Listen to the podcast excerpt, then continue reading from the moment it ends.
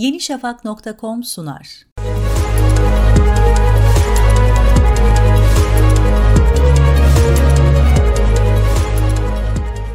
Galler'in başkenti Cardiff'te dünyaya gelen Matthew Bevan, diğer bilgisayar korsanları gibi zor bir okul dönemi geçirmiş.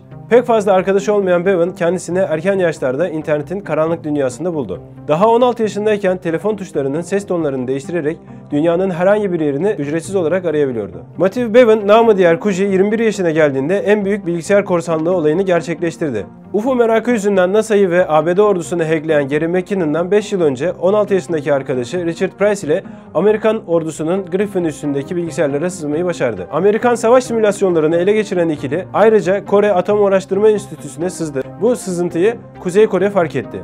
Bu olay uluslararası krize hatta 3. Dünya Savaşı'na neden olabilecek olayların fitilini ateşledi. Ancak sızma olayının 3. kişilerin işi olduğu ortaya çıkınca taraflar sakinleşti. Bu krizden sonra Amerikan Özel Kuvvetler Daire Başkanlığı'nda görevli bir ajan Bevan'ı neredeyse 3. Dünya Savaşı'nı çıkaran iki hacker'dan biri olarak adlandırdı.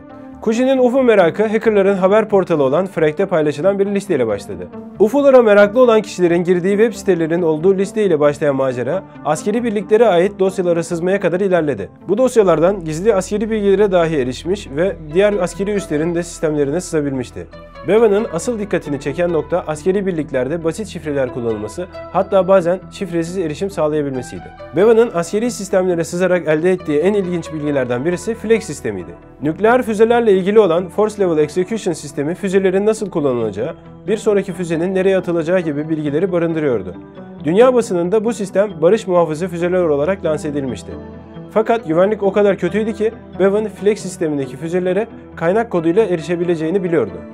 Bilgisayar korsanı ayrıca NATO, NASA, USAF gibi kuruluşlara da sızmıştı. Bu nedenle Amerikan Senatosu Kuji tak takma adı ve karıştığı olaylar nedeniyle Bevan'ın Avrupalı bir ajan olabileceğini düşünmüştü. Bevan 1996 yılının 21 Haziran'ı sabahında NATO, Amerikan Hava Kuvvetleri ve benzer kuruluşlara sızdığı gerekçesiyle İngiltere'de gözaltına alındı. Bilgisayar korsanı gözaltına alınmasını şöyle anlatıyor. attack a military system direct from. Bir gün sigorta şirketinin bilgisayar departmanında çalışırken birkaç adam yanıma gelerek bana bazı sorular sordu. Daha sonra beni NASA ve bazı hava kuvvetleri üssü sistemlerine erişim sağladığım gerekçesiyle tutuklu olduğumu söylediler. Evimde bulunan bilgisayarlarım ve dosyalarım toplandı. Yaklaşık 36 saat gözaltında kaldım.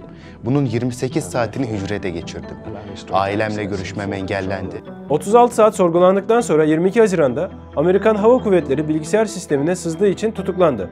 Kendisinden 5 yıl sonra Gary McKinnon da UFO merakı yüzünden Amerikan ordusuna ait bilgisayar sistemlerine sızmıştı. İki hacker arasındaki ilginç benzerlikler bazı komplo teorilerini de beraberinde getiriyor. Ancak her ikisinin de akıbeti farklı oldu. Bevan yaklaşık 18 ayı hapiste kaldıktan sonra delil yetersizliğinden dolayı 21 Kasım 1997'de serbest kaldı. Şu anda kendi bilgisayar danışmanlık şirketini kurdu ve İngiltere'de yaşamaya devam ediyor. yenişafak.com sundu.